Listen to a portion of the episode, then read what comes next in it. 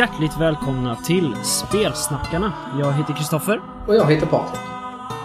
Och det är vi som är Spelsnackarna. Jajamän. Jag, ja, eh, jag ber om ursäkt om det låter lite fågelljud och syrsor och sånt, men det är alltid så skönt när Patrik säger när vi spelar in att han sitter och dricker gin och tonic på altanen. Så jag sitter nu på altanen med en Tom Collins. Och då låter det som det gör, för min altan är inte inglasad. Nej, och jag får be om ursäkt om det ekar lite. Eh, vi har idag i Boden 29 grader utomhus, 34 grader i lägenheten och 57 grader på min balkong. Så jag vill inte sitta på min balkong som jag brukar, fast det är bäst akustik där. Så jag sitter i min dotters rum och då ekar det, för det är inte så mycket på väggarna där inne. Hon har en plansch med Darth Vader och Luke Skywalker på, typ. Det är allt man behöver. Ja, jag, jag är sugen på ett canvas-tryck från uh, A New Hope att ge till henne. Men uh, det är så jävla dyrt. Ja. Fy fan. Ja, eh, vi är ju inne på del två nu i vår lilla serie om att skriva äventyr och kampanj. ja, Ju. Eh, vilket kommer bli grymt. Vi ska snacka spelledarpersoner idag. det ska vi göra. Och Mm. framförallt så ska vi fortsätta att eh, skriva på kampanjen vi började förra avsnittet. Vad kom vi på att den skulle heta? Dödens gluten.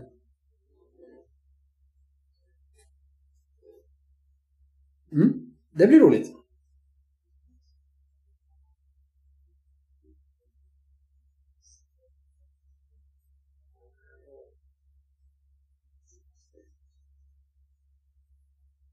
Mm.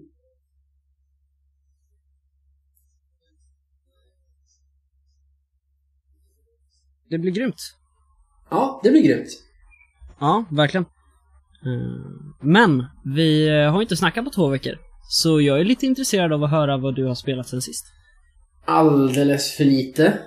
Eh, Mhm. Trots att det är semester. Vi skulle ju dra igång en Coriolis-kampanj med min kompis David som spelledare. Eh, men det händer som inget från de andra tilltänkta spelarna. Det är helt tyst. Så jag ska skriva ett argt meddelande i eh, den Facebook-grupp jag skapade för det där. Är det fel? Den Mm. Facebook-chatt jag skapade. Eh, så att vi kommer igång. För nu är det ju semester och då har ju jag tid att spela. Och det borde de också ha, tycker jag. Mm. För sen får jag barn om mindre än en månad så att då kommer jag absolut inte få eller vilja ha tid att spela närmsta tiden, gissar jag. Eh, Nej. Så jag har spelat eh, två matcher eh, 40K, den senaste idag. Eh, det roliga förra veckan var att då bytte jag och Jim eh, armé. Så jag gjorde en lista med min Space Marine-armé. Han gjorde en Eldar-lista. Och sen när vi träffades så fick jag hans armé i handen och han fick min. Ja, men det berättade om tror jag, när vi pratade. Ja, fast inte på podden. Nej, just det. Nej, Nej. men när vi pratade. Ja, just det. Ja. Ja. Eh, det var coolt för då fick jag äntligen beviset. För jag, alltid, jag förlorar väldigt ofta mot Jim. Och då har jag alltid tänkt, bygger jag så dåliga listor? Men eh, när Jim tittar igenom dem så bara, nej, den här borde funka. Jag hittar som inga fel.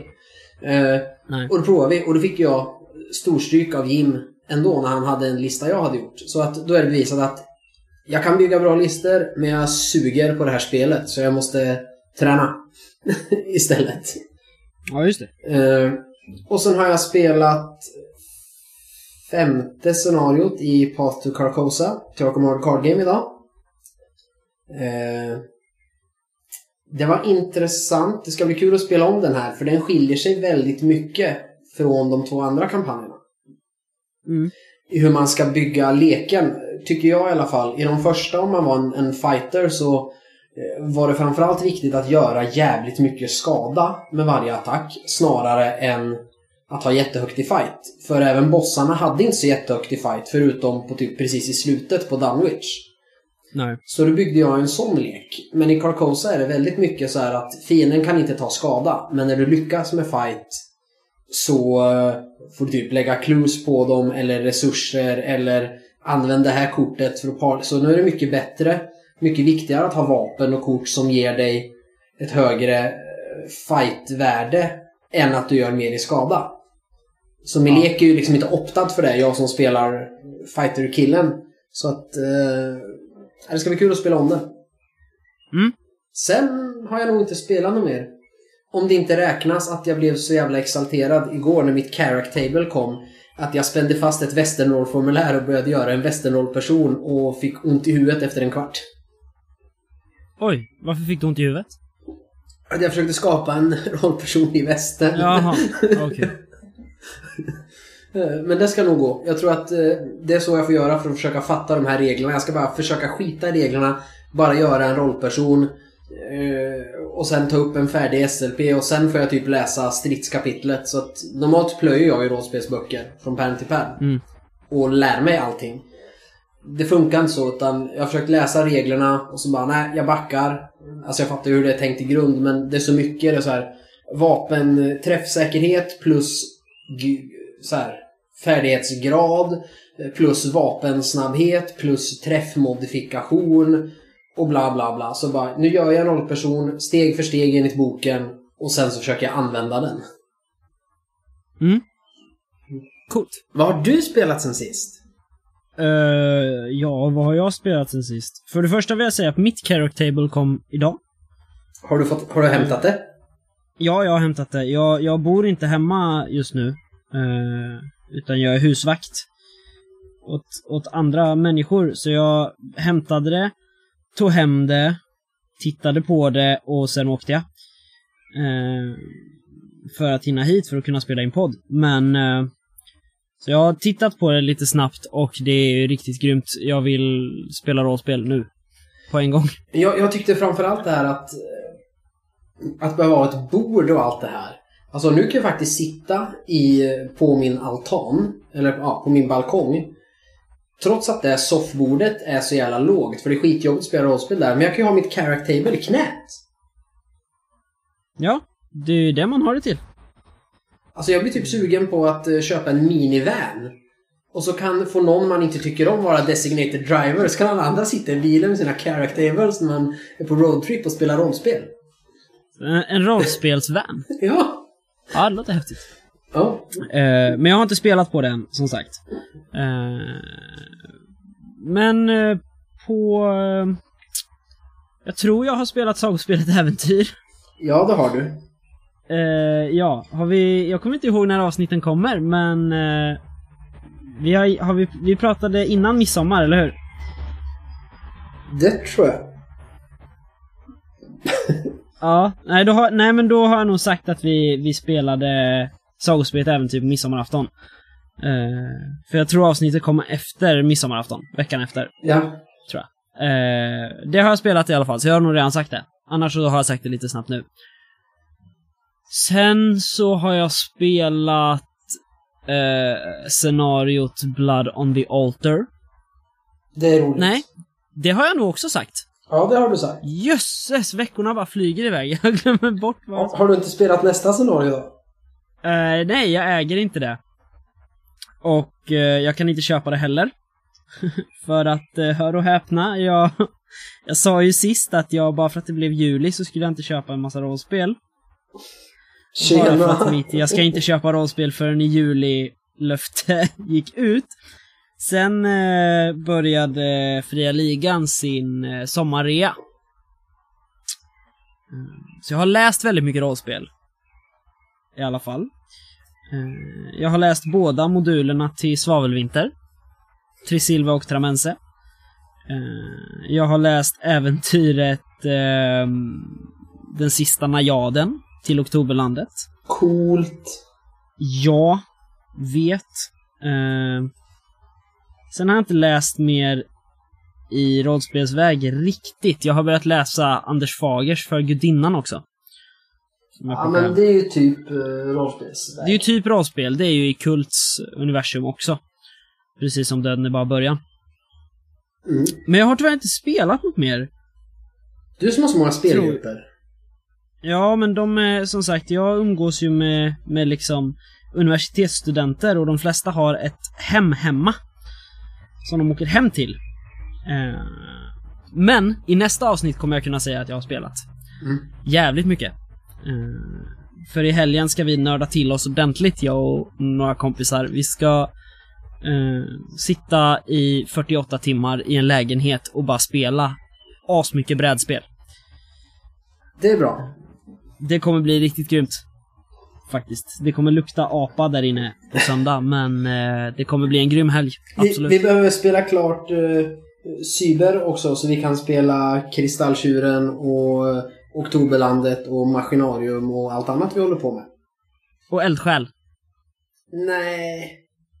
Jo, jag vill spela eldsjäl. Vi måste spela färdigt för Svarta Solen. Ja, vi kan spela Likstorm istället. Okej då. Eh, nej, men så jag har tyvärr inte spelat någonting sen sist. För sommaren, som sagt, när man har tid att spela så... Har du Så skrivit något sen sist då? Jag, jag började ju och bara, men nu ska jag ta tre timmar här en dag och skriva klart typ våran beta så vi kan skicka ut den. Eh, Mm. Jag höll på i en halvtimme och sen kraschade hela Google Drive. Typ. I hela världen. Det, det... Oj. Shit, det märkte inte jag. Nej. Eh, Eh, jo, men jag har skrivit, jag har jobbat rätt mycket på, eh, på metaplotten. det är bra, för det, kampanjen. det, det är väl det som i huvudsak behöver skrivas klart innan vi kan skicka ut det. Ja, den är ju inte färdig. Eh, Sen behöver den väl inte vara helt färdig. Det viktiga är väl ungefär hur vi har tänkt den. För det är framförallt reglerna vi vill att folk ska testa i och för sig. Jo, men så är det. Verkligen. Men sen sätter ju den Men- stämningen väldigt mycket. Ja, det vore ju gött om folk ville spela eh, kampanjen liksom. Att testspelet är kampanjen som vi har skrivit, som är asfet. Jajamän. Men eh, vi, vi jobbar på. Eh, och eh, det ska nog gå innan sommaren är slut. Jo då, jo men det tror jag absolut. Vi har ju en till illustratör, eller eventuellt, typ nästan. Ja, Eh, Hon har inte svarat på vår, eh, vårt officiella, eller vad man säger, erbjudande än. Eh, Men ett muntligt avtal har vi, det är bra. faktiskt. Det är bättre än inget avtal. Ja, nej precis, de gäller ju dessutom, det är ju det bästa. Och det, hon ska då göra vapenillustrationer. Det är ju hon som är DM i min Dungeons and Dragons-grupp, Therese Jonsson. Coolt. Mm. Verkligen. Ja. Kommer bli snyggt. Ja. Nej, nu har, vi, Ja. nu har vi använt eh, 12 minuter att prata om att vi knappt har spelat något sen sist. Ja, men eh, ändå, det är viktigt. Jajamän. Det tyder på att vi måste utvecklas. Onward to the news segment. Precis. Har du några nyheter Patrik? Eh, Hjältarnas väg är klar. Ja, den är färdig. Yes. Jag hoppade på den fast jag skulle spara mina pengar. Eftersom... Så du har också läst betan nu? Nej, jag läser inte pdf som jag får på rollspel. Jag klarar inte av att läsa eh, pdf Jag måste skriva ut allt i så fall. Jag får ont i huvudet om jag stirrar på en dataskärm för länge. Jaha. Och det hjälper inte med terminalglasögon och så är det svårt att få en känsla när det inte är papper jag bläddrar på. Och hänga Ja. med i texten och få ett flyt. Jag tycker det är jättekrångligt så jag hatar pdf -er. Ja, okej. Skitsamma. Eh, Eh, Det är kanske därför det tar sån tid för mig att skriva saker till mörka regimen också. Utan jag skriver på kollegieblock först och sen kan jag knacka in i datorn. Eh, men eh, den gick bra trots att jag skulle spara pengarna. För att eh, jag har ett sommarprojekt. Som är är det att köpa alla rollspel du inte har? Nej, det fortgår ju över tiden. Eh, nej, men jag är så trött på min eh, 40k-armé. Eller trött, Ja. men jag målar aldrig färdigt något. För jag är så less på att måla blått. Du har ju sett min armé. Allting är ju bara blått. Ja. Eh, det är ganska tråkigt då. Till slut vill man ju inte måla fler exakt likadana gubbar. Så Nej. fick jag inspiration av vår bror Mattias fru. Som helt plötsligt började en ny armé i Age of Sigmar. Ett annat figurspel. Eh, så då köpte jag en ny armé. Som jag håller på att måla nu. Och då var det skitkul att måla. När jag fick måla något annat så behöver jag lägga pengar på det.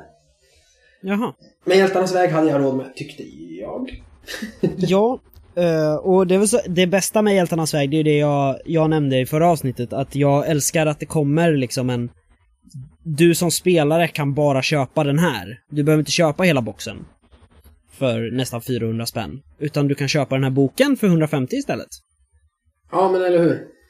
Ehm, så att jag, jag, och det är ju därför, det är ju mer glädjande med Kickstarters tycker jag. Det var därför jag backade Hjältarnas väg från början. Det är för att jag vill att den ska finnas i butiker. Liksom. Det här är en bra produkt som jag tror kommer uppskattas av många. Därför backar jag den. Bonus, jag får den också. Ja, nej men eller hur. Jag tror... eh, Alltså Dungeons and Dragons har... eh, Som de har kört länge, det här att du har en Players Handbook och en Game Masters Guide. För, Precis. först var jag väldigt emot det. Mhm. När jag började spela rollspel. För att rollspel ligger ju i en box. Med en bok i. Och så är det ett äventyr också. Eller sen när Riot Minds släppte andra att nej. Eh, man har ju alla regler och allting i en bok. Men då är det ju att. SL har en, en hel sektion måste gå till varje gång någon ska göra en ny rollperson. För man måste vara med SL och hans regelbok. Eh, och så vidare. Men nu har jag själv börjat tycka där att ja, det där är inte dumt. Nej, jag tycker det är Det, jävligt det är bra riktigt faktiskt. bra. Och det är där som sagt jag sa att Fria Ligans startboxar till exempel till MUTANT. Ja. Det är en spelarbok och en spelarbok. Jo men kunde man inte sålt det där tunna häftet på 60 sidor vad det är med spelarhäftet separat också för 75 spänn så att alla spelare kan köpa det eller man som spelare kan köpa så man har två. För man vill ju inte köpa två regelböcker för 300 spänn liksom. Det känns onödigt. Nej. Ja, precis. Men jag kan Nej, lägga, men jag ändå köper så här, ja.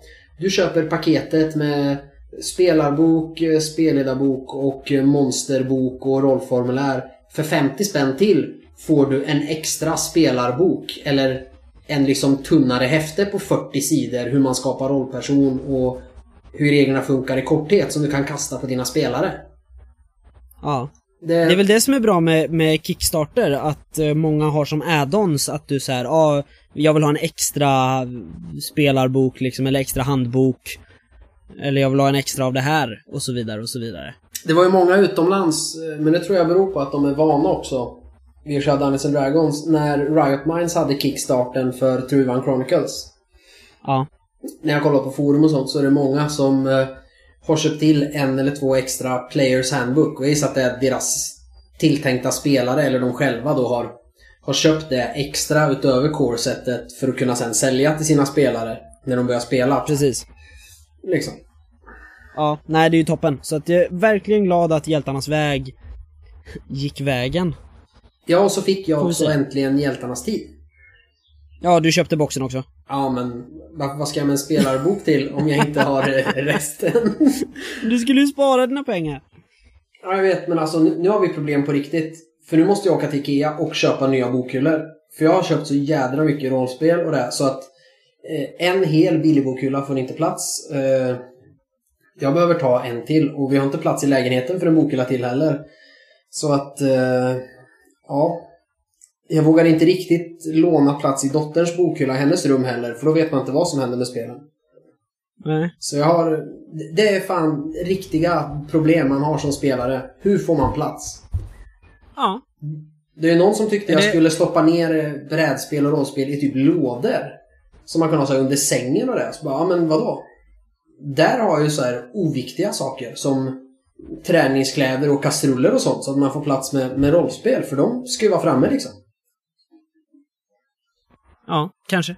Det är det första jag tittar på när jag kommer hem till någon. Man går ju till deras bokhylla och först scoutar man. Har de några rollspel? Nej. Vad har de för brädspel? Okej, de hade bara Monopol. Och så vill man kolla vad de har för böcker och så bara... Okej, de hade bara Henning Mankell. Tråkiga människor. Typ. Inte nödvändigtvis, Ja, så- men jag tittar så. Jag, jag bedömer folk eh, efter deras bokhylla. Dagens nyhet. Patrik ska till Ikea. Ja. Eh, Nej, vi har lite mer. Eh, Ja. Jag har ju en som är ganska rolig. Som passar det här eh, skriva kampanj Mm. och äventyr. Och eh, det är en Kickstarter alltså, som heter Towns and Dungeons RPG Dex. Gamers Toolkit är det som gör. Det är alltså två 52-kortslekar. mm. En för städer och en för Dungeons. Ehm, den håller på, idag är det onsdag, 11 juli. Det håller på i eh, 19 dagar till. Ehm, Vad kostar det? eh, 280 är grund då, då får du två Mm. däckar. Eh, det är den enda som finns faktiskt. Okej. Det finns en dollar och sen finns det 32 dollar. Så, ja. Så den kan jag rekommendera. Den ser riktigt schysst ut. Jag är väldigt sugen på att dra den. Men är det encounters i en dungeon eller staden eller är det hus eller gator? Jag tror att det är namn på städer och lite platser. Jag har faktiskt inte läst hela eh, så ingående. Um, ja, du får, det är typ kartor är det. Okej, ja men fan vad coolt. Ungefär. För jag vet ju, nu kommer jag inte ihåg vad, ja, jag kommer inte ihåg vad det heter, men för något år sedan var det ju en sån här typ eh, scavenger deck där man drar upp så bara, ah, du hittar eh, en pistol eller du hittar en ringbrynja och sådär som man hade för att Mm. loota med istället. Alltså jag gillar såna här grejer. Ja, de har också, man kan lägga till då, en add-on, en plot deck. Så då är det det vi pratade om lite med, med de här sagokorten till sagospelet Äventyr. Eh, de har ett exempel här. All of the men from the village have disappeared. Okej, bygg ett äventyr Ja, fan vad coolt. Kring. Eh, så det, det tror jag jag kommer backa. Eh, sen så har vi ju en liten, vi har en ganska fet nyhet till alla som, eh, som följer MUTANT, minnen från den förbjudna zonen, kickstarten. Det är ju en till sån här grej som vi får nyhet egentligen, men alla freebies kommer ju nu. Jag vet, så jävla De skulle skicka nu i veckan eller början på nästa. Så alla ni som har backat den, ni kan skatta er lyckliga. Det gör vi. Ehm, och så har vi också, vi har ju tjatat lite, eller gnällt lite på Riot Minds om bristen på information kring Kaldaroks kickstarten. Ja. Ehm, de skrev igår, tisdag, att de har en stor nyhet. Och de skrev det på engelska. Precis. Eh, gissningsvis, och idag då, får vi säga, så kom det en bild från eh, Alvaro Tapia. Eh, riktigt snygg. Jävligt På snyggt. någon, någon, dö, någon slags dödsväktare eller vad det nu stod. Jag kommer inte ihåg riktigt. Något sånt. Eh, och, men där så stod då Kaldarox, de har bytt då från K till C i Kaldarox. Ehm, vad tror du? Jag, jag tror att det är att de kommer göra den på engelska också. Jag tror det är deras big reveal och då blir jag eh, återigen lite så här halv... Jag blir nästan lite halvirriterad. För nu är det ett tag sedan den där kickstarten avslutades. Och sen direkt den var klar, då kom kickstarten för Trudvan Chronicles Stormlands. Ja, och uppdaterad Snösaga som det kom en update om idag. Typ att eh, snart, ramlar den, snart kommer Snösaga ramla in i våran inbox. Så att den kan layoutas. Och så bara okej, vem har skrivit den då om inte ni? Men skit i det. det ja men det är ju översättare då förmodligen. De Precis, inte det, det ska inte jag lägga mig i. Men... Och då blir jag så här, och sen kommer det här att nu gör vi Kaldarox på engelska, vilket jag gissar att det där är. Kan de inte göra klart ett projekt innan de drar igång ett nytt? Eh, typ Lex Occultum som också har legat ett tag. Jo, men för det blir samma som Mm. när alltså, Dodd Retro eller Dodd 2016 gjordes. Och sen efter att den började bli försenad, då bara ja ah, men nu börjar vi jobba på uh, True Chronicles här och kickstartar den. Och då skrev ju folk ja men vadå, ska ni inte göra klart Dodd Retro först? Jo, men det här är två separata projekt så de har inget med varandra att göra. Eh, nej, men det tar ju tid att göra båda.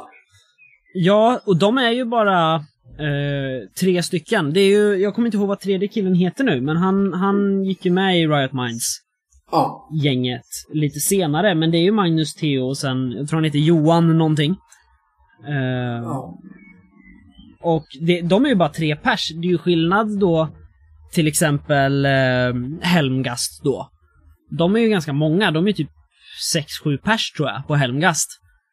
Eh, och då är det en del av dem jobbar nu på Kult, Divinity Lost och typ tre, två eller tre av dem jobbar på Hjältarnas tid. Ja, eller, eller fria ligan där de dels har folk som faktiskt har arbetstid och har det som arbete att vara där.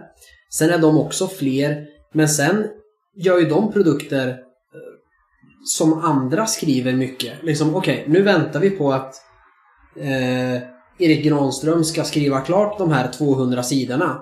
Ja, men då börjar vi, för vi kan inte göra mer förrän de kommer. Okej, men då kan vi börja skriva på den här Coriolis-grejen, vi andra så länge. Precis. Eh, För de Jo, använder men ju mycket folk utifrån som skriver till deras spel. Och jobba, ja. om jag har förstått det rätt, framförallt när man läser förordet till många av deras spel, så är det ju mycket frilans och att de lägger ut arbete på andra och så har de, Fria Ligan har främst en redaktörsroll i sina spel. Och grundkoncept och så här om jag har fattat det rätt. ja, lite som äventyrsspel. Ja men lite, lite så. Ja, nej men så, så eh, nyheten där är att vi är skeptiska till alla rollspelskonstruktörer. Nej, det sa vi Nej då. Nej men vi, eh, vi, eh, vi återkommer om, eh, Om håller på med. Kaldaros. Ja, precis. Det kommer bli riktigt intressant. Eh, men, där får vi nog sluta nyheta oss och komma igång med vad vi faktiskt ska prata om. SLP! SLP, NPC, spelledarperson, non-player characters. Kalla dem vad ni vill. Eh, The other ju- guys. Ja, precis. Det är alltså spelledarpersoner vi ska prata om idag i den här lilla serien om att skriva äventyr och kampanjer. Ehm, vi pratade ju om uh, intrig förra veckan. Mm. Eh, och en ganska viktig uh, spelledarperson. Vi nämnde skurken lite grann. Ehm, det är ju en ganska central SLP. Zombiesarna. Nej, alltså i allmänhet så är ju skurken Ja. en ganska central. Vi har ju nekromantiken Mm. som var med här. Eller har vi det? Jag återkommer till det när vi ska skapa rollperson, eller SLP, för jag har ju tänkt eh, lite här och kommit ännu längre i mina, i mina tankekartor. Okej. Men vi, vi kan väl prata om dem lite i allmänhet först innan vi går vidare till att skriva vår kampanj under sändning. Det gör vi. Eh, Mm. Men om vi börjar med skurken Ja. som en SLP, för att Alltså det finns ju SLP och SLP. Ja. Absolut. Eh, om, om vi har den stora slutbossen. Nu blir det svårt att använda Sagan om ringen som ett bra exempel. Eftersom Sauron bara är ett jädra öga. Som man Mm. inte riktigt pratar med. Så vi måste hitta något annat. Eh, Men ta uh, Kejsar Palpatine, till exempel. vi tar kejsare Palpatine. I Star Wars. Ja. För de som inte kan alla namn i huvudet. Jajamän. Sen blir han lite så också men eh, han är faktiskt ett exempel på en SLP som inte är riktigt klar, skulle jag säga. Just en Mhm. sån som borde ha mer. Om vi säger från början, när det fanns Episod 4, 5 och 6. Ja. Så blir han en sån SLP lite som Sauron. Okej, det är en elak kille. Vi vet inget om honom annat än att han är mäktig. Och bra på att slåss. Typ. Eller han är Ja. elak och bestämmer. Ja. Och det kan ju räcka. Där räcker det. För där är det ju snarare Darth Vader som är den viktiga elaka SLP. Ja.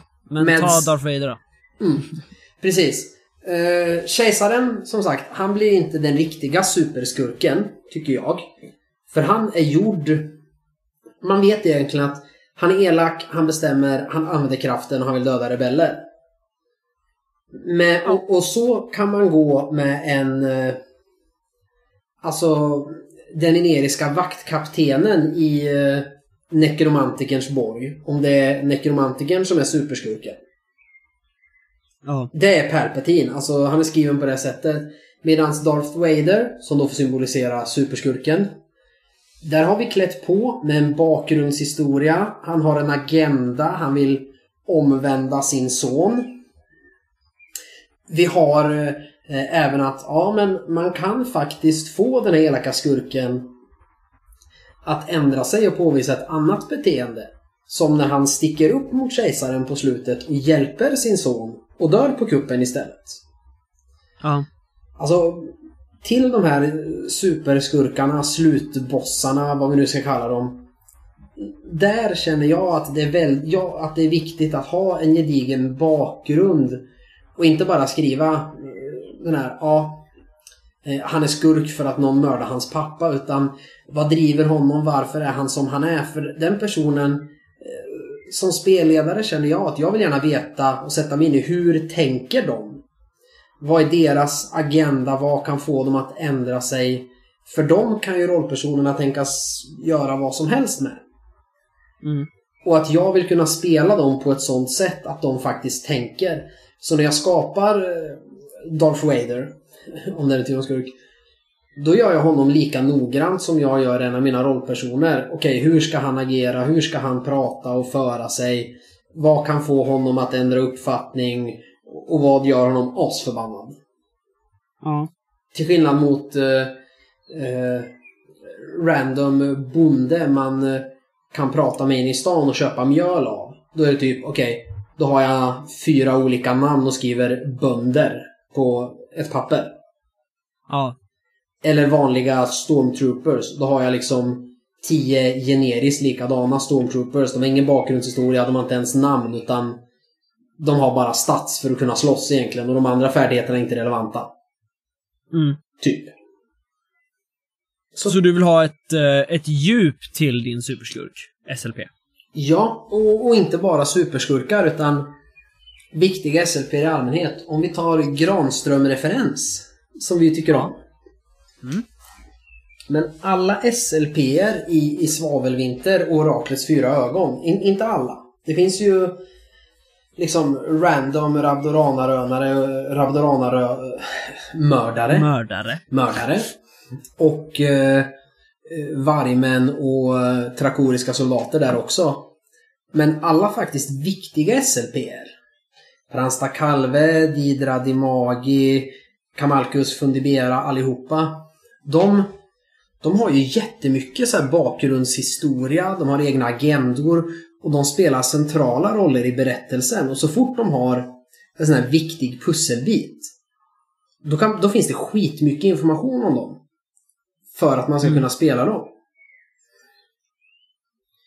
Och det visar sig ju, om inte annat, när Erik Granström har skrivit romaner av det här sen. För de som är, så att säga, huvudpersonerna, eh, om det nu finns några huvudpersoner eh, i de böckerna, det är ju alla spelledarpersoner från kampanjen.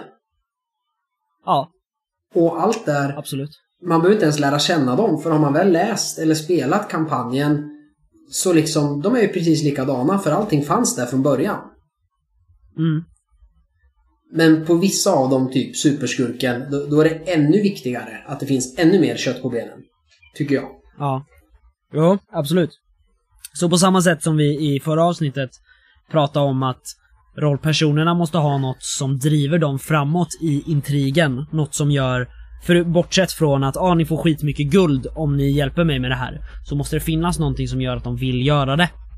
Och på samma sätt måste superskurken som spelledarperson ha en agenda till varför den här situationen har uppstått. Om jag har fattat det rätt. Då. Ja, men... Eh, vad ska vi ta? Vi, vi... Vi har en superskurk som är kvinna. En, en kvinnlig trollkvinna. Eh, som hatar av någon anledning alla män. För hon fick sitt hjärta krossat för 300 år sedan. Så hela hennes eh, agenda just nu, det är att hon ska, hon ska ha ihjäl alla män och göra alla kvinnor till hemafroditer med en hemsk trollformel så att vi slipper alla hemska män, för alla män är ju dumma i huvudet. Ja. Och så av någon anledning behöver hon eh, rollpersonerna som fångar för de vet någonting för att lösa det här.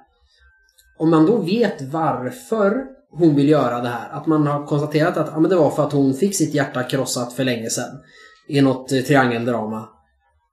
Då kan jag veta att eh, om en av rollpersonerna helt plötsligt är jättevänlig under fångenskapen och flört, inte flörtar med henne men bara en man som är genuint vänlig och, och trevlig och inte alls lurar henne och det pågår länge, då kanske hon ändrar uppfattning och inser att det var ju bara en man som var elak och inte den andra.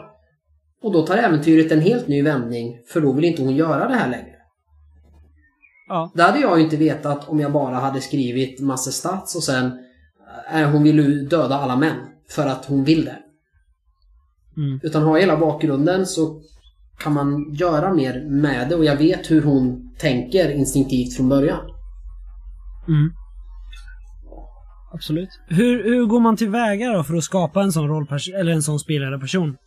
Blir det liksom, börjar det med berättelsen, ja ah, men det vore nice med en varelse eller person som en gång blev jättearg på grund av att den här personen snodde någonting och då blev bla bla bla bla bla? Eller är det lättare att börja med det lilla och sen gå på djupet sen? Alltså det är jättesvårt att säga, det beror på vart man börjar. Mm. Ibland börjar det med att man gör en cool skurk, men... Eh, jag har faktiskt kikat på det där till den här kampanjen vi håller på med. Och där fick jag till den här processen, att det har växt fram alltihopa. Lite grann. Ja. Eh, för då sa vi att... Eh, vem var det vi sa hade väckt upp zombisarna? Det var ju Mjöln. Det, Jag kommer inte ihåg. ja, nej det är mjölnaren som, som snor... Eller det är han som har mjölet som de snor ju. Precis. Jag har inte skrivit ner... Jag skrev Nej, inte ner men, men jag har ju börjat göra en sån här tankekarta. Och, men sen skrev jag ju nekromantiker. Ja. Eh, för det är ju därifrån... Det är han som ska hjälpa en att spåra dem. Mm. Och så började jag tänka på den här nekromantikern. Jaha, men... De skapar ju typ zombies. Varför ska han hjälpa dem för? Varför gör han det? Och sen så skrev jag att det är ju en ung nekromantiker. Eh, så bara okej, men han är ju ung. Så det jag har skissat på då. det är att det var nekromantikerns lärare. Den äldre nekromantikern. Som hade en zombiehord hemma. Eh, och den här unga nekromantikern blev ju såld som slav hit av sina föräldrar för de skulle ha råd med mat. Och han blir misshandlad och vill inte vara nekromantiker för han vill vara snäll. Eh, Mm. Sen eh, dör den här läraren. Och zombiehorden slipper ut och flyr till kullarna. Och det är då Mjöln och... Eh, så Mjölnaren är inte skurken längre. Sen vill du säga om du inte håller med. Och då eh, har jag sen skrivit hela bakgrundshistorien till den här unga nekromantiken. För att då är tanken att rollpersonerna ska tro att han är skurken. Och när de kommer dit och ska spöa han också så bara Nej men det var min lärare men jag kan hjälpa er att hitta vart zombiesarna är istället. Mm. Så det har ju blivit början på hans bakgrund. Så att jag har gått som bakvägen och gjort om. För som sagt, det är så jag skriver. Som en, det blir som en process. att När jag börjar titta på en SLP så bara Nej, men han är ju inte alls som jag tänkte. Han är ju så här. Och då ändras hela förutsättningen för äventyret också. Mm. Om man nu vill ha det så. Eh, Ja. Men ibland så börjar man ju Eller man, ibland börjar jag ju med skurken Och bara ritar upp världens skurk med ett läskigt mål och vad den ska göra och sen när skurken är klar så bara hmm Men vad eh, av allt i den här skurkens liv va, Varför är han en skurk då? Vad vill skurken göra? Skurken vill göra det här Och då kommer intrigen efter att jag har skapat världens coolaste skurk Ja. Hur gör du? Ja, jag sitter här med en kortlek framför mig. Igen. Ehm, faktiskt. Ehm, och det är en grej som jag har ehm, börjat med på senaste tiden. Efter att jag köpte de här sagokorten till eh, Sagospelet Äventyr. Mm. Eh, Det här är en lek, eller det är en, en del av en lek. Eh, Fria Ligans spelkortsmodul 2 till MUTANT år 0. Eh, där finns det en riktigt schysst hög med SLP-kort. Just det. Det finns ju, alltså MUTANT år 0, zonfärder i MUTANT år 0 är ju i princip eh, slumpa fram saker på en tabell om du inte har en bra idé. Egentligen. Eh, I boken finns en tabell för hur du skapar ett nytt monster till exempel och slumpa fram och var monstret bor och vad monstret äter och sådana saker. Mm. Och här är då spelledarpersonskort. Och då kan vi, vi titta på ett först. Det är en bild på framsidan på en SLP. På baksidan står ett namn, en syssla och lite information. Ett par rader text bara, liksom. Uh, och då har jag börjat dra sådana. För att se och, och få den så här, okej. ja, det här är hur den här uh, varelsen beter sig. Och vad hen heter och hens egenskaper liksom. Uh, och, och då sen kan jag börja dra och rita runt det. Varför är det så här? Varför är de här egenskaperna så starka? Eh, vi kan dra ett exempel, jag bara shufflar runt lite. Mutant med hund, Montiac. Snaggat hår, vresig och tar snabbt till våld. Montiax nitar den som säger något ont om hans hund. Okej, och då börjar jag genast och sätter kuggarna igång. Varför är han så mån om sin hund? Vad har hänt? Jo, han har faktiskt räddat den här hunden från en mutant som slog hunden. Så hunden var jätteledsen. Och då tog han hunden eh, och därför så har han tagit till sig en vana att han nitar alla som ger sig på hans hund och säger något elakt.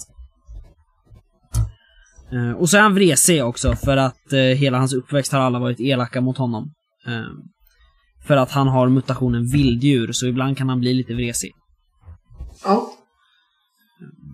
Så jag, jag jobbar mycket på det sättet. Jag börjar med, med en, vad ska man säga, en kortfattad beskrivning liksom. Om jag hade skrivit Svavelvinter, vilket jag absolut inte har, men om jag hade gjort det, så hade det förmodligen gått till som så, ja ah, men det är en elak nekromantiker som heter Shagul och han vill ta över hela världen.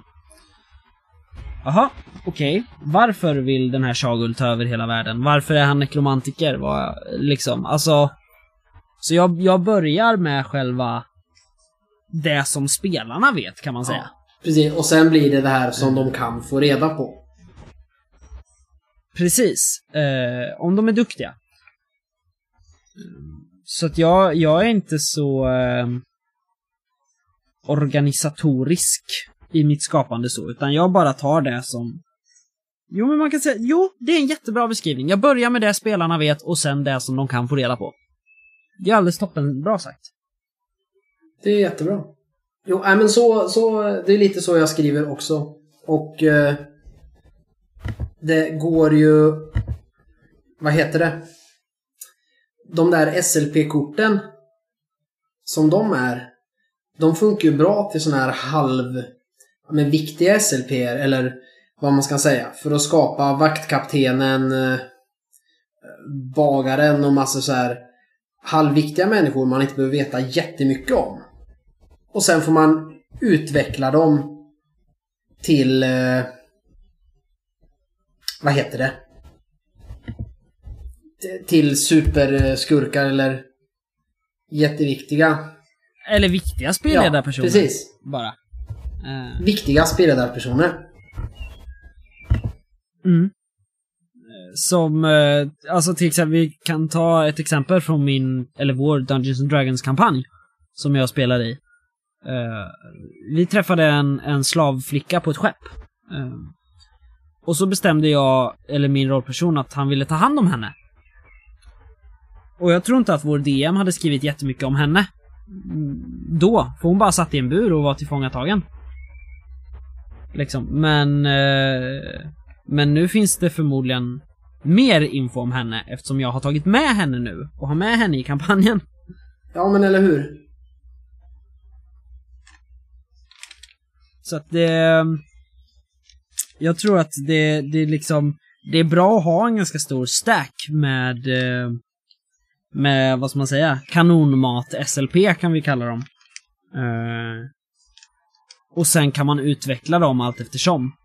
Uh, men som sagt, jag tror att allting allting börjar med ett frö någonstans tror jag. Ehm, så antingen, det kan vara ett namn, det kan vara ett beteende, det kan vara en historia, vad som helst, men man måste börja någonstans och sen så kommer man komma fram till vad det är man ska komma fram till. Precis. Tror jag. Uh. Men hur gör man de här riktigt minnesvärda spelledarpersonerna då? Det är precis... Vad om, du får, om du får ur ett officiellt äventyr, liksom ett sålt äventyr, ett tryckt äventyr, eller kampanj, din favorit SLP?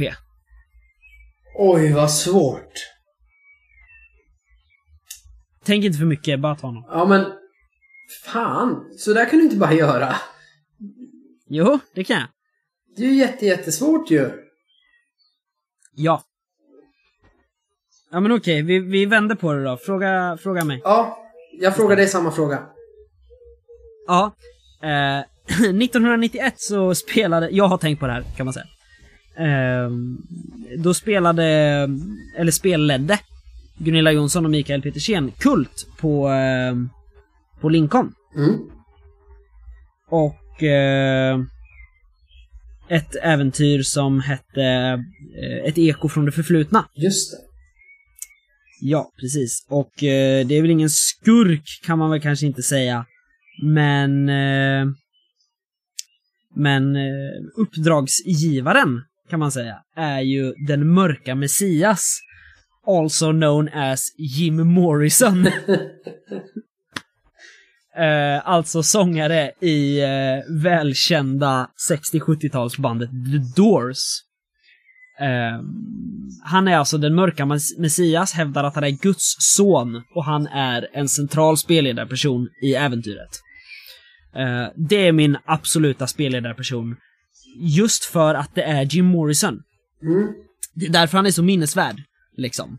Eh, Ja, i, eh, I kapitlet för spelledarpersoner så finns det då att så här, ja men berättartips liksom. Luta dig nära rollpersonerna och stirra dem i ögonen. Prata om världsfred och gunga lite fram och tillbaka. ser jävligt Alltså, neddrogad ut. Ja men typ, alltså det är verkligen Jim Morrison och det är ju det som gör honom så minnesvärd. Ja men det är just, alltså, precis som vi har pratat om med rollpersoner någon gång. Gör någonting oväntat med den här. En, en vanlig generisk bara, jag är den vanliga skurken eller jag är bara en vanlig bonde. Ja men man kommer inte ihåg alla de där vanlig bonde. Men den jävligt irriterande gycklaren på värdshuset som dyker upp på vartenda värdshus där ni är. Oavsett vart i världen ni är så dyker han upp. Hej mina vänner! Är ni här igen? Vad kul att vi alltid råkar på varandra. Ska jag spela en sång till? Och så är han värdelös. Mm. Gärna med en jätteirriterande dialekt. Ja. Men då, det är de man kommer ihåg. Så egentligen behöver det inte vara bra för att man ska komma ihåg dem och de ska bli minnesvärda, utan de ska bara sticka Ja, ut. ja, men ta... Vi har ett jättebra exempel från Vi spelar rollspel. N- när de spelar Ja. Oraklets fyra ögon och de är på ön Safina. Ja. Man kommer ju ihåg det, sekvensen, så bra. Och spelarpersonerna. För att alla pratar så här. Ja, Och det. därför kommer man ihåg dem hela tiden. Ja, Ja, det är precis. därför man kommer ihåg det. Eh, Och man vet, Eller- man kommer ihåg vad som hände där. För att det är det där man minns, det ploppar upp i huvudet liksom. Precis. Eller Tedastrus i eh, Kristalltjuren. Typ. Eh, för att han pratar jättestockholmska. Precis. Eh, Nej men jag, jag tror att vad som, vad som ger mig, eh, eller gör att jag minns spelarpersoner, det är för att det är saker jag känner igen från andra forum än rollspelet. Tror jag. Eh, därför är jag ganska svår att tillfredsställa om det är en SL som inte känner mig så väl. Eh, ta till exempel, jag kommer inte ihåg vad hon heter, men det finns en råtta i eh, Genlab Alpha. Eh, Mutant och Bettet. Bettet, är det hon? Råttan, hon som samlar. Ah, ja, det är någon som samlar. Ja, det är hon som knarkar ner rollpersonerna i alla fall. Ja. Hon bjuder dem typ på såhär POTT eller något sånt. Hon har ju Framtiden är ett svävande skepp förankrat i forntiden av proggbandet Älgarnas trädgård på vinyl. eh, och lyssnar på den. Och då är det så, jag tycker så mycket om den plattan. Så att när jag läste den kampanjen så var det så här: åh gud, jag älskar henne. så att, det är, jag gillar ju saker jag känner igen. Så jag tror att där i ligger det någonting, ja, om man som SL kan få skapa en spelledarperson som man på något sätt vet att spelarna kommer uppskatta. Ja, men eller hur? Eh, vi till exempel i våra kampanjer, eh, Drakar och Demoner, i, i Trudvang-kampanjen som vi har spelat i hur många år som helst. Eh, där har ju våra gamla rollpersoner blev ju spelledarpersoner. Ja, och det är ju skitkul. För de kommer man ju ihåg. Ja, precis. Vi vet ju allt om dem. Eh, jag tror det var Mattias som började med det. Han, han gjorde en ny När han rollperson. var ja. SL någon gång. Ja, nej men alltså att använda våra rollpersoner. Just det, han var SL och hade med sin egen rollperson som en SLP. Ja, och sen så typ satt våra rollpersoner också på samma värdshus och typ drack mjöd och såna grejer. Ja, och sen bara fortsatte vi så att Eh. alla var alltid med. Precis. Eh, och det är ju skitroligt. Så jag tror, jag tror mycket på det. Alltså igenkänningsfaktorn tror jag är viktig när man gör minnesvärda spelledarpersoner. Mm. Det tror jag absolut. Ja. Men just att man håller, håller isär dem. Det där, för att du Ja, man, man behöver inte... Jag var överambitiös i början. När jag började som spelledare, Nej, när jag var 12 alltså. Eh, då, då var varenda vakt liksom var ju en rollperson. Bara, Okej, här ska de möta 32 orcher. Då fanns det släktträd och bakgrundshistoria och alla färdigheter och om de kunde simma eller inte på varenda ors. Ja. Det behövs ju inte utan där kan du ju... Alltså nu när vi har spelat till exempel eh, Conflux-sviten här. Alltså vanliga så vakter som ni ska slåss med. Då har jag typ skrivit upp så här, okej men de här ska vara halvkassa men många. Då har jag bara skrivit vakter gånger 5, svärd 50%. De har 50% chans att lyckas med sina attacker. Och Ja. sen om ni skulle vilja prata med dem så har jag skrivit upp fyra namn. Liksom, så tar jag bara ett. Eh, Mm. är det däremot vaktkaptenen då kanske det står lite mer om tanken är att ja, men, de anfaller inte direkt, det går att resonera med dem. Ja men då måste vi skriva lite mer om honom. Liksom. Ja. Precis. Jag, jo, men jag tror att det, man ska ha mycket... Jag tror man ska ha en stapelvara egentligen. Som SL. Eh, med, som jag sa innan, kanonmats SLPR. Jo, och för Eh. om man gör det liksom på lägsta lägsta nivån. Skriv bara, o- Mm. om det är tanken att man ska kunna slåss med dem, skriv vad de kan, hur duktiga de är på att slåss. Och som jag skrev, för då skapar du mer tid och det blir roligare och du har faktiskt möjlighet att göra de där minnesvärda SLP-erna. Sen, för om du sliter ut dig på Canon Fodder så kommer du inte idas göra alla de här andra sen. Nej. Och jag, jag gillar, särskilt när man gör kampanj, så tycker jag att en jäkligt schysst grej det är att ha med en sån där en SLP som egentligen varken hjälper till eller sabbar för er. Utan en sån här gubben i lådan som bara är där och är lite annoying. En, en, en sån där som bara ploppar upp på de mest otänkbara platser. Den feta köpmannen som tror att ni är bästisar och liksom skryter på alla världsas. Ja men alltså. Jag har ju äventyrat jäkligt mycket med de här snubbarna. Det är ju mina polare. Eh, och ni bara alltså jag hatar den här killen. Och så dyker han upp överallt där rollpersonerna är. Eller så här vartannat äventyr liksom. Vart tredje spelmöte dyker han upp. Och, och bara Ja. är där. Det är också skitroligt så om ni inte har såna små gubben i lådan som jag kallar dem. Gör en sån och ha med. För det är skitroligt. Ja, verkligen. Det är som, och vad heter han? Eh, men du har ju sett Sina, Warrior Princess och Hercules. Med Ja, Kevin länge Sorbo. Ja men där har de ju någon sån. Någon köpman-gubbe, så halvtjock, eh, skallig. Som så här hela tiden, han bara dyker upp då och då och är skitirriterande och de bara Fan, vi måste typ rädda hans liv igen. Mm. Ja men precis. Men jag tycker, ha en sån lista färdig som SL. Eh, med en massa, vad ska man säga, expendables. Eh, som du bara kan dra fram med namn och, Och grejer. en gubben i lådan. Men nu när vi har pratat om, om det här med SLPR och sådana där grejer. Så tänker jag att då kan vi testa att göra lite SLPR. Ja, eh, jag har våran kampanj här, min tankekarta framför mig. Ja, jag har det vi skrev förra Ja, veckan. Eller förra gången. Precis, så att det hänger ihop här. Ja. Eh, och det vi sa var ju jaga zombie i kullarna på uppdrag av bagare och att man tillhör stadsvakten. Och att det ska finnas en nekromantiker för det är han som kan hjälpa en att spåra zombies. Mm. Eh, Det jag har tänkt vidare på det för att kunna skapa och se vilka SLP som behövs. Det är att Mhm. man har ju fått sparken från stadsvakten. Ja. För man får ju betalt i bröd, delvis. Och det finns ju inget bröd i stan. Så Nej. man har inget jobb, man har bara sina vapen, man har inga cash, ingen mat. Och bagaren har gjort ett anslag liksom att Hjälp mig så får ni som alla pengar jag har. För jag har massor pengar men vad ska jag göra med dem? Det finns inget mjöl, jag kan inte sälja något bröd. Liksom. Så bagaren Ja. är ju en SLP.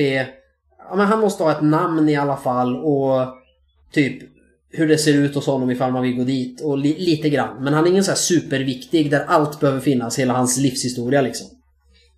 Nej, han heter ju givetvis Roland. Bagaren. Har du sett, För det heter... har du sett på ofta Har du sett på Sofia den första? Nej. Nej. Är det en bagare som heter Nej, Roland? kungen där? heter Roland och i Alva, min dotters favoritavsnitt, så önskar han att han bara kunde vara en vanlig bagare en dag för det vore så skönt och så förvandlas han till det. Jaha. yes. Mm. Häftigt. Nej men jag tycker att bagaren absolut heter Roland. Eh, Eh, sen ska de ju då, första äventyret, det blir att ta sig från staden med bagaren till kullarna för att undersöka det här. Det är ju första deläventyret. Och då tänker jag att det finns två vägar där. Det finns Mhm. en snabbare men farligare väg där det kan finnas rövare. Det vet man. Det är många rövare längs den vägen, men den går fortare. Det finns en långsammare väg, men den är mycket säkrare. Just det. Tar man den farliga vägen kommer man ju stöta på rövarna. Ja. Och rövardrottningen Cassandra, hon är livsfarlig. Ja. Ja. Men man kan gå med rövarbandet för en tid. Och då får man eh, veta av dem, när man bara ah, det finns ingen mjöl och så här. De bara nej vi har inte lyckats ordna så mycket mjöl. Och sen när man fortsätter prata, det de kan berätta, de, de berättar inte att det hör ihop. Men de kan berätta att det bor ju en elak nekromantiker långt till norr. Så där hör man första gången, det finns en nekromantiker någonstans. Precis. Men sen kan man vidare från rövarna, om man spöar dem eller blir kompis, ta sig till kullarna. Tar man den längre men ofarliga vägen, då tänker jag att man stöter på en by där alla håller på att svälta ihjäl. För ingen är särskilt duktig på att jaga heller. Och det finns ju inget bröd, så då blir det ett äventyr där att hjälpa dem att jaga. För att få mat. Mm. Ja. Så då måste man ha... Och där tänker jag mig att eh, byäldsten och ett så tråkigt gubbnamn. Jag tänkte säga tantnamn. Ja. Edith. Lillemor. Ja, Lille... Ja, nej, Edith. Lillemor tror jag. Ja, Lillemor. Ja. Ja, precis. Byäldsten Lillemor. Byäldsten Lillemor. Hon, hon är ju där. Och henne måste man beskriva lite mer. Tror jag. För att... Ja, men det tror jag vi behöver göra med Jo, men lite. Lillemor. Mm. När vi går vidare här. Lillemor är ju faktiskt mamma till den unga nekromantikerlärlingen. Ah. Och om man hjälper dem kommer ju det fram att hon är så ledsen för att hennes... eh, Hon, hon var tvungen att ge upp sin son för fyra år sedan när det också var hungersnöd. Eh, Men det var på grund av dålig, att det hade växt dåligt och eh, hon, hon skäms så mycket för det där. Så då får man en clue till att okej, hennes son eh, är hos någon magiker men hon vet inte var. Men hennes son... Och då kan vi redan komma på vad han heter. Vad heter han? Nekromantiken. Mm, den unga nekromantikesonen. Alltså det, nekromantik, en nekromantiker måste ju heta något lite läskigt. Fast även när det är en oskyldig liten pojknekromantiker. Ja, han leker ju ändå med döden. Bengt! Bengt! Ja, nej det är inte läskigt. Eh, Det låter ju superlarvigt. Jag tänker mer, eh, jag vet inte, typ, ja men typ såhär Julius eller Cassius eller något Cassius sånt där. Någon romersk. Cassius. Ja. Precis. Eh, så att hon har sålt sin son Cassius till en elak trollkarl och hon skäms. Eller till en trollkarl. Ja. Ja. Och han borde vara typ 15 år vid det här laget. Trollkarlen eller Cassius? Cassius. Cassius. Mm. Ja, Sen därifrån kommer man ju till kullar. just det. Och då tror jag att istället för att ha den här mjölnaren så är faktiskt mjölnaren Han är ju faktiskt, hans hjärna är ju uppäten. Oj, ja just det. Och Ja, det är därför det inte kommer någon mjöl. För han ligger ju i kvarnen och är helt sönderäten. Ja. Eh, Här vill jag ha in ett, en SLP som inte är en människa utan något eh, monster. Kanske ett troll eller... nej men vad heter de här babblare? En babblare? Ja. Ja, en babbel. Ja just det, det är till sagospelet Äventyr Ja, det är en babblare där. Ja, just det. Ja. Nej, de heter de inte Babbelman? Ja, ja, vi- tar reda på det. Men en sån babbelgrej.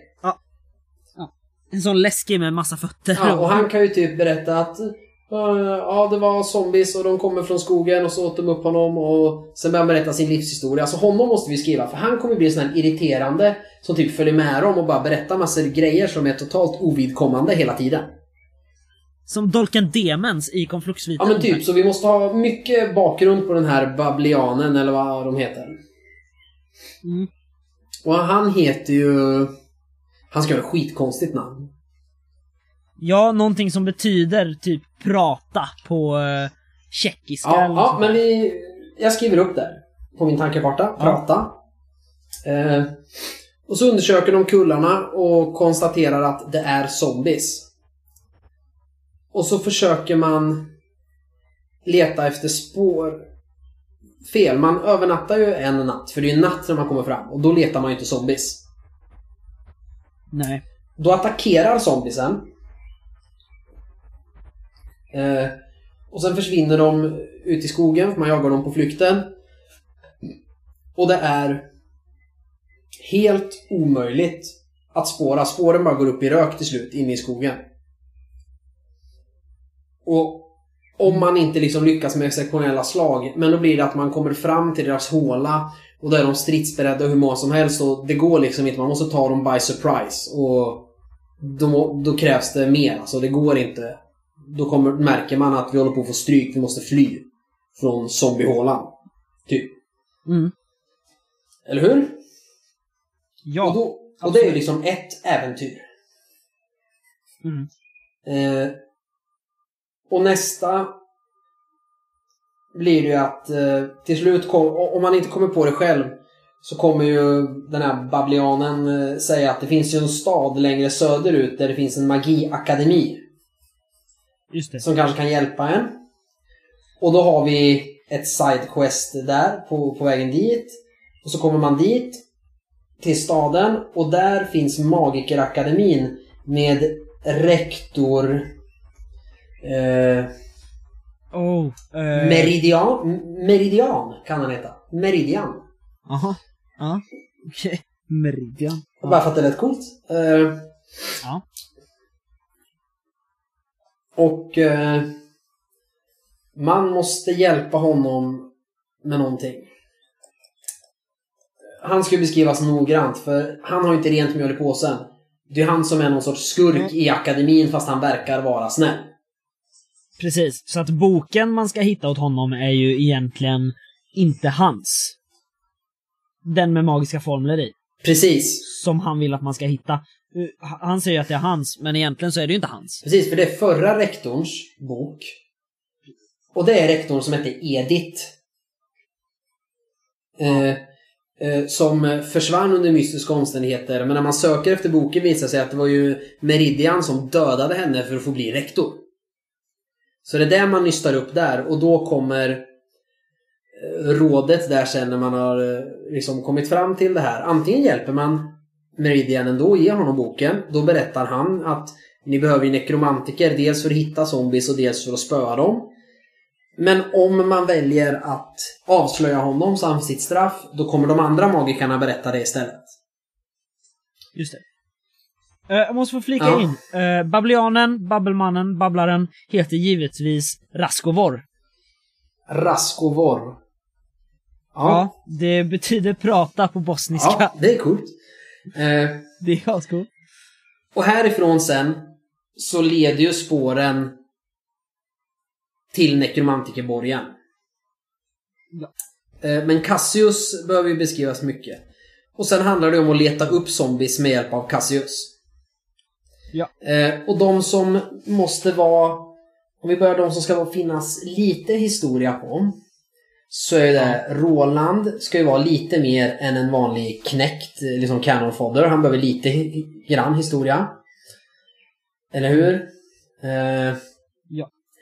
det behövs även på två till tre magiker på Magikerakademin. Som man pratar med, umgås med och får hjälp av eller sådär.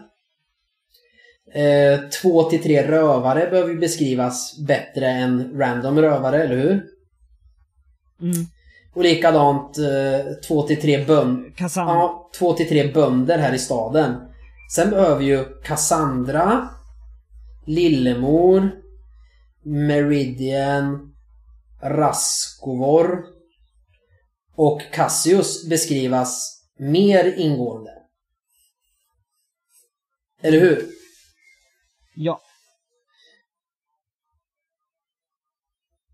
Precis, och det får bli som här nu eftersom det tar sån tid att vi får sätta oss ner och skapa de här rollpersonerna, redovisa i nästa avsnitt hur, hur vi har gjort. Utan nu har vi bara tänkt grova drag. Vad behöver man veta ungefär om varje SLP? Ja, och sen vilka SLP är det som behöver utökas med den här informationen? Behöver bonden som säger nej jag såg dem rida förbi här för två dagar sedan. Behöver han ha en backstory på fyra A4? Nej men han behöver inte ens finnas. Det behöver bara stå random bonde vet det här. Det han behöver inte ha stats för någonting. Precis. Och jag, när jag gör sådana, jag har ofta ibland jag slänger in och så blir det att rollpersonerna börjar mucka gräl. Då bara tänker jag så här 10 sekunder.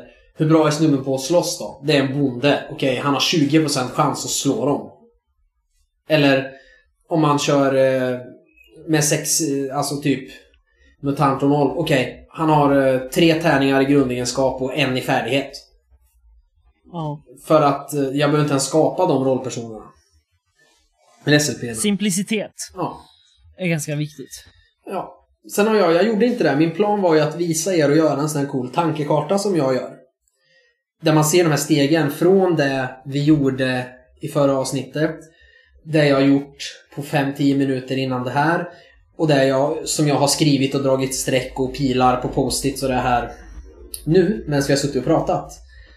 Lägga upp det på Facebook och på vår blogg, men eh, jag har inte hunnit det. Så jag hoppas kunna göra det och liksom typ försöka renskriva det här på ett A4 eller något vad vi har kommit fram till. Så att ni är med på det i nästa avsnitt när vi ska försöka knyta ihop säcken. Mm. Vi får fixa det till nästa gång, Vi får göra det. helt enkelt. Eh, ja, nu har vi svamlat lite om SLP och Kickstarters igen.